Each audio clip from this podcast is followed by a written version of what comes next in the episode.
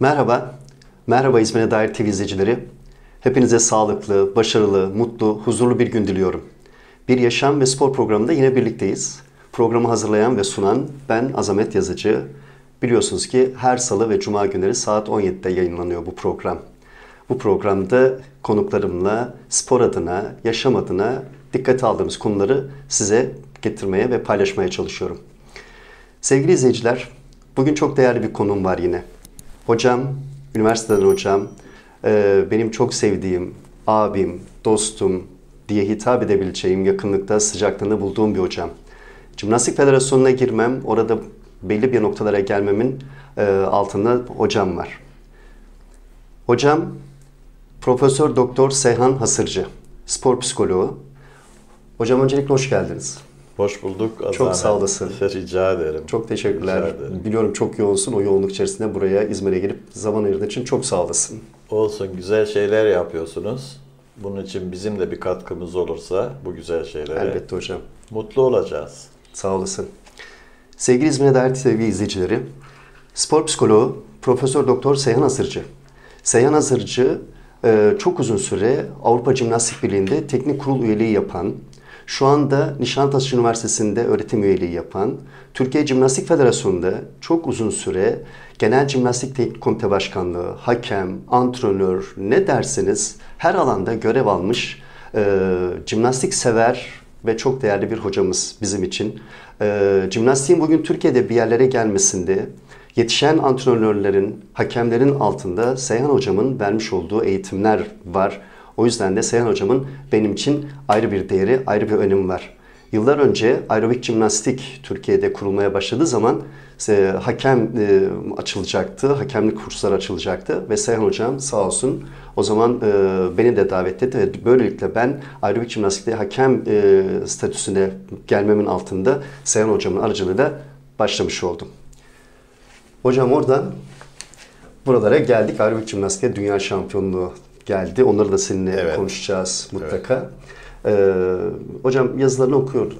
Yani her e, eğitimci, her spor alanıyla ilgilenen kişinin sizin spor psikolojisi üzerine yazmış olduğunuz, genel anlamda yazmış olduğunuz yazılarda alabileceği, kendisine içselleştirebileceği ve önünde ışık olacağı çok değerli yazılarınız var. Estağfurullah. Sağ olasınız. En son yazdığınız yazı üzerinden gitmek istiyorum. Spor ahlakı Tabii. üzerine yazı yazmıştınız hocam. Spor ahlakında e, eğitimcilerin, hakemlerin, antrenörlerin, sporcuların hepsinin bir spor ahlakı içerisinde kalması gerektiğini söz ediyorsunuz.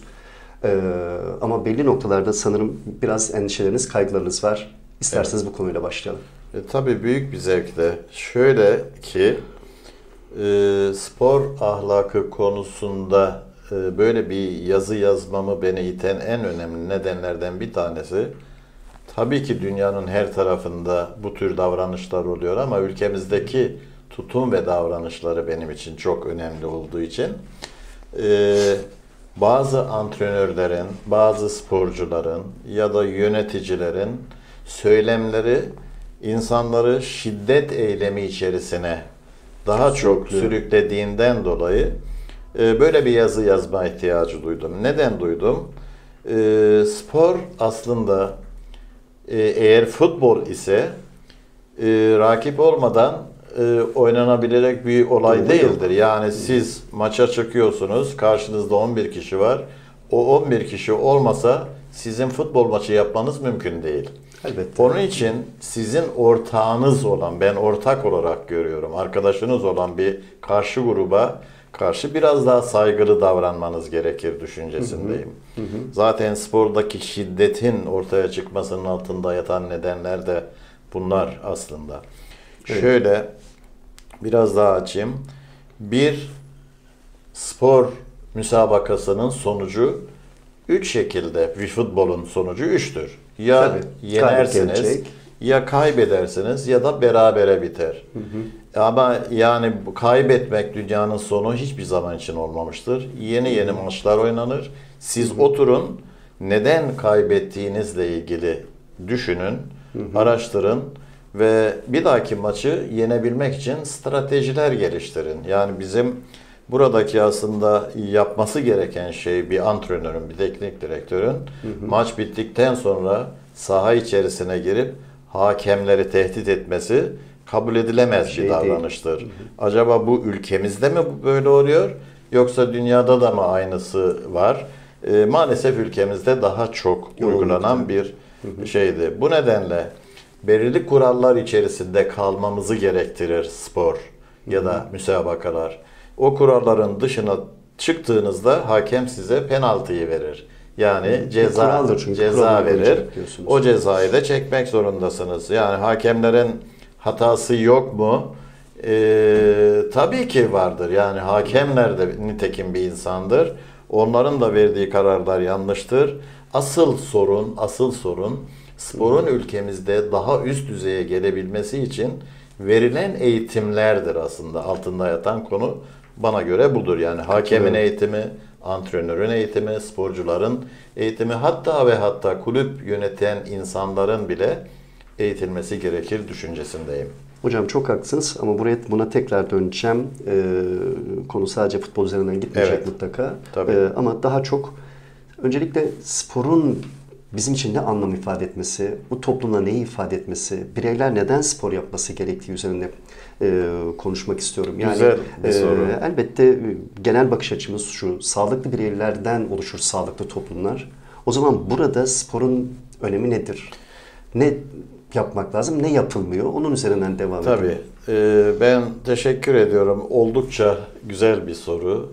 Sporun anlamı bize ne ifade ediyor? Bir defa onu tartışmadan önce sporun hangi amaçla yapıldığına bakmamız gerekir. Bir, spor performans sporuyla ilgili yapılıyorsa Tabii. bunun bir müsabakası, bir hakemi, bir kuralı ve bir sonucu vardır. Yani o doğrultuda gider. İki sporu sağlık amacıyla yapıyorsanız burada söz konusu bir yarışma söz konusu Değil. değildir. Burada insanların e, sadece ve sadece kendi sağlığını koruyabilmek ve hatta bozulan sağlığını tekrar e, kazanabilmek amacıyla spor yaptırılır. Fizyoterapideki yani ayağımızı kırdık, düştük, sakatlandık. Belirli bir süre sonra egzersiz yaptırır size fizyoterapistler. Tabii. Yani bu da bir egzersiz ya da spordur. Onun için bu amacı da vardır. Ee, sonuç olarak bütün dünyada ya herkes için spor, kitle sporu denilen şey ya da yarışma amacıyla yapılan Performans farklı spor dallarındaki performans sporları. Ama burada şunu da vurgulamadan geçemeyeceğim. Eğer bir ülkedeki nüfusun büyük bir çoğunluğu egzersiz ve hareket eğitimi içerisinde kendini bulamıyorsa siz zaten performans yapabilecek insanları zor bulursunuz. Minimum düzeyde kalır zaten. Tabii minimum düzeyde kalır. Ama çocukluk ve gelişim döneminden itibaren o çocuklara böyle bir imkanı, böyle bir fizik e, olanağı sunabilirseniz o zaman bu çocukların mutlaka ve mutlaka e, belirli bir yaşa geldikten sonra bir spor dalına doğru eğilmeleri daha kolay olur. Yetenekleri doğrultusunda Doğru. yönlendirecektir. Ve tabii. bir çok daha önemli olan şey özellikle ilkokul çağındaki çocuklar için söylüyorum. Hem anne babalara hem çocukların mutlak surette egzersiz yapmalarını tavsiye ediyorum. Neden? Bizde iki tane parametre vardır. Bir, her spor yapan insan için kondisyonel yetenekler dediğimiz kuvveti, sürati, dayanıklılığı ve esnekliği içerisine alan parametre. Bir de koordinatif yetenekler dediğimiz o çok ince e, kas dokularının belirli bir düzeye getirilmesiyle ilgilidir. Bu da denge, çeviklik, çabukluk buna benzer bir sürü deyim var aslında. 10 ile 15'e yakın kavramı içerisine alır. Bu çocukların bu koordinatif yetenekleri 7 ile 11 yaş arasında gelişir. Eğer siz o çocuklara o Zamanla koordinatif yetenekleri vermezseniz yani herhangi bir spor dalında daha sonraki yıllarda eee, eğer çıkabileceği yer buraysa o zaman almamış olan çocuklar daha alt düzeyde kalır. İşte bu da bizim en büyük Sıkıntılarımızdan eksikliklerimizden bir tanesidir diye düşünüyorum. Hocam katılıyorum. Ee, genel olarak hep sizin bizim bize eğitimlerinize de söylediğiniz şey dur. Yani sporu altyapıya e, daha gelin çocuğun ilk çağlarına yöneltmek, e, oradan başlatmak lazım Evet. denir. Bir de bizim e, bir başka tarafta da bir ülkemizde de bir gerçeği var hocam. İlkokullardaki e, spor derslerine ya da beden eğitimi derslerine baktığı zaman genelde işte beden eğitimi eğitimi Sınıf almamış öğretmen. kişiler Sınıf verir, sınıf öğretmen. öğretmenleri yapar. Doğru. Biraz daha ilerlediğin zaman da oğlum sen niye beden eğitimi yapacaksın? Git iki tane matematik sorusuz çöz Üniversiteye denip gir. o, o yöne gider. Burada bir çelişki yok mu? E, kesinlikle var. Aslında ben biraz da aslında hiç sevmediğim bir şey bir örneği vermek istiyorum. Avrupa'da yaşıyor olmanın e, güvencesiyle bunu söylüyorum. Benim iki tane de oğlum Almanya'da Almanya. doğdu, büyüdü ve orada her türlü spor dalını yapma şansını buldu. Yani hiçbir zorluk çekmeden her türlü spor dalını bakın. Jimnastik, yüzme, atletizm, daha sonra e, futbol ve benim küçük oğlum Alman birinci liginde su topu oynar duruma geldi. Yani düşünebiliyor musunuz? E, ben onu zorlamadım, şey yapmadım ama olanak sağladım ona. Tabii. Çocuk e, o dalda sevdi ve e, müsabakacı bir kişilik kazandı. Orada şey yaptı.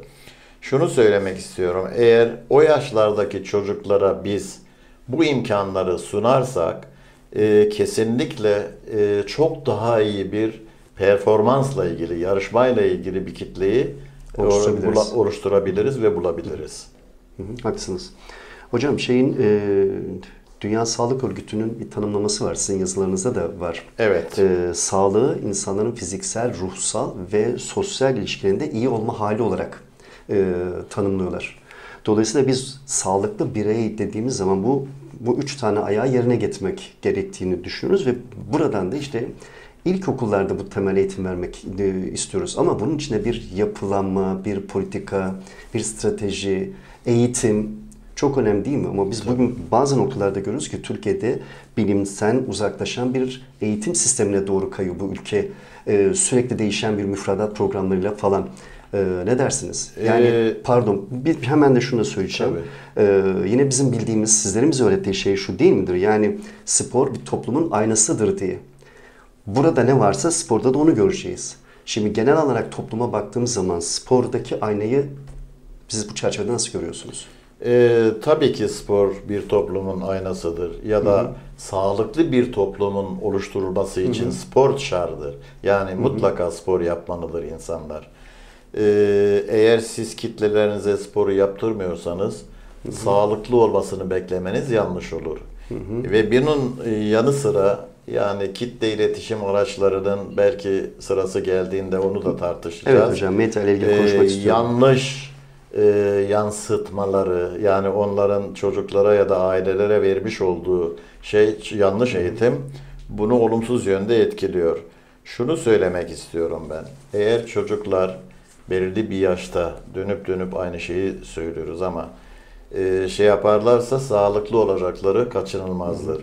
Sağlık nedir? Hem fiziksel açıdan sağlıklı olmak, hem mental açıdan sağlıklı olmak, hem de sosyal açıdan sağlıklı olmak. Yapılan birçok araştırma var.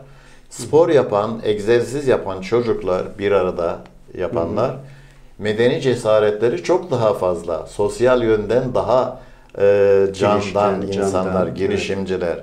Hangi anne baba çocuğunun bu şekilde olmasını istemez ki? Herkes ister.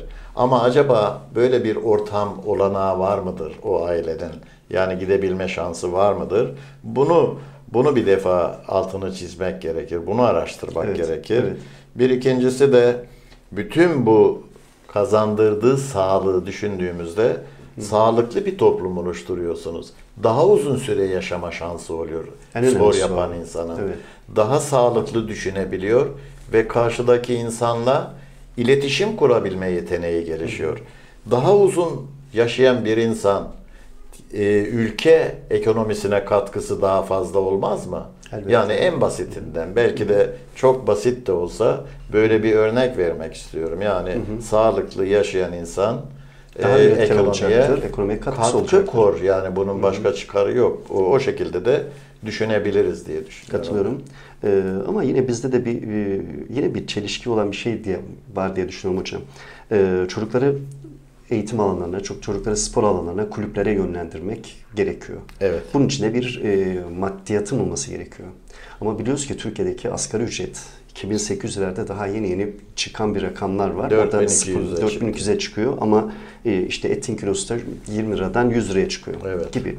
Dolayısıyla veli evet çocuğunu gönderecek ama bir de bir ba- başka tarafta da onun ekonomik e, gücü nedir?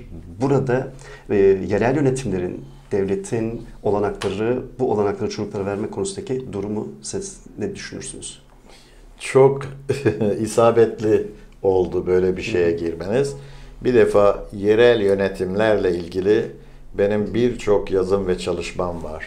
Yani o çalışmaların içerisinde şunu söylüyorum, her defasında tekrar ediyorum. Bir, yerel yönetimler kendi çevresi içerisinde yer alan bütün insanlara bir defa Avrupa İnsan Hakları şeyinde de çok açık ve net, var. net vardır bu. Avrupalı kentli e, olma sözleşmesi vardır. E, insanlarına spor olanağı yapma olanağı sağlar. Ve hatta engellilere de sağlamak zorunda ki belediyelerde izleyebiliyoruz yani bazı belediyeler e, kendi çevrelerinde sportif bazı etkinliklerle ilgili Bulunuyorlar, evet. tesisler, yerler, e, alanlar açmışlardır. Yürüyüş alanları, e, ne bileyim işte spor yapabilme olanakları. Yeterli mi? Değil. Ama şunun altını tekrar çizmekte yarar görüyorum. O yerel yönetimin e, coğrafyası içerisinde yaşayan insanlara sadece ve sadece öncelikli olarak sporda sağlıklı kalabilmeleri için böyle bir spor olanağı lazım. Yani eğer bir yerel yönetim 11 kişilik bir futbol takımını ya da 5 kişilik bir basketbol takımına ya da 6 kişilik voleybol takımına yatırım yapıp sadece onlarla uğraşıyorsa yanlış yapıyordur diyorum haklısınız ben. hocam. Yani oradaki kitlelerin herkese, her yaştaki insana Spor cinsiyet düşünmeden spor yapma olanağı tanımalıdır. Ha, o bölgedeki spor kulübü vardır. Yani o kulüplere de bazı destekleri mutlaka olur yerel yönetimlerin ki biz biliyoruz bazı belediyeler işte X e, Karşıyaka Spor Kulübü'ne ekonomik yönden destek veriyor ya da vermiyor. Ona benzer şeyleri çok yaşadık. Ama öncelikli olarak o belediye e, sınırları içerisinde yaşayan insanların daha sağlıklı olabilmesine hizmet edebilecek alanları açmakla yükümlüdür. Bu yasal Yerel olarak vardır. Yani Evet. böyle bir e, eğilim içerisine girmek zorundadır yerel yönetimler. Umarım hocam yani yerel yönetimler bu konudaki e, çalışmaları, çabalarını görmek istiyoruz tabii. E, İzmir kent yaşamını paylaşan, biz kendimiz için söylüyorum, Tabii. kent yaşamını paylaşan her, bu kentte yaşayan herkesin yerel yönetimlerden bunu bekleme, beklemesi hakkı var. Tabii. Ee, ama dediğiniz gibi yerel yönetim eğer sadece bir futbol takımı bir sporcusuna milyon dolar bir para verip transfer yapıyorsa ama öbür tarafta şehir yaşamını paylaşan insanlara spor yap konusunda olanaklarını kısıtlıyorsa burada yerel yönetimleri de sorgulamak lazım. Ne Kesinlikle. adına? Ee, daha sağlıklı bireyler, daha sağlıklı çocukları oluşturma adına. Tabii. Ee, sevgili İzmir Değer TV izleyicileri, konuğum spor psikoloğu Profesör Doktor Seyhan Hasırcı ile söyleşiye devam etmek istiyorum. Ama isterseniz bir ara verelim ve aradan sonra ikinci bölümde hocamla tekrar söyleşimize devam edelim.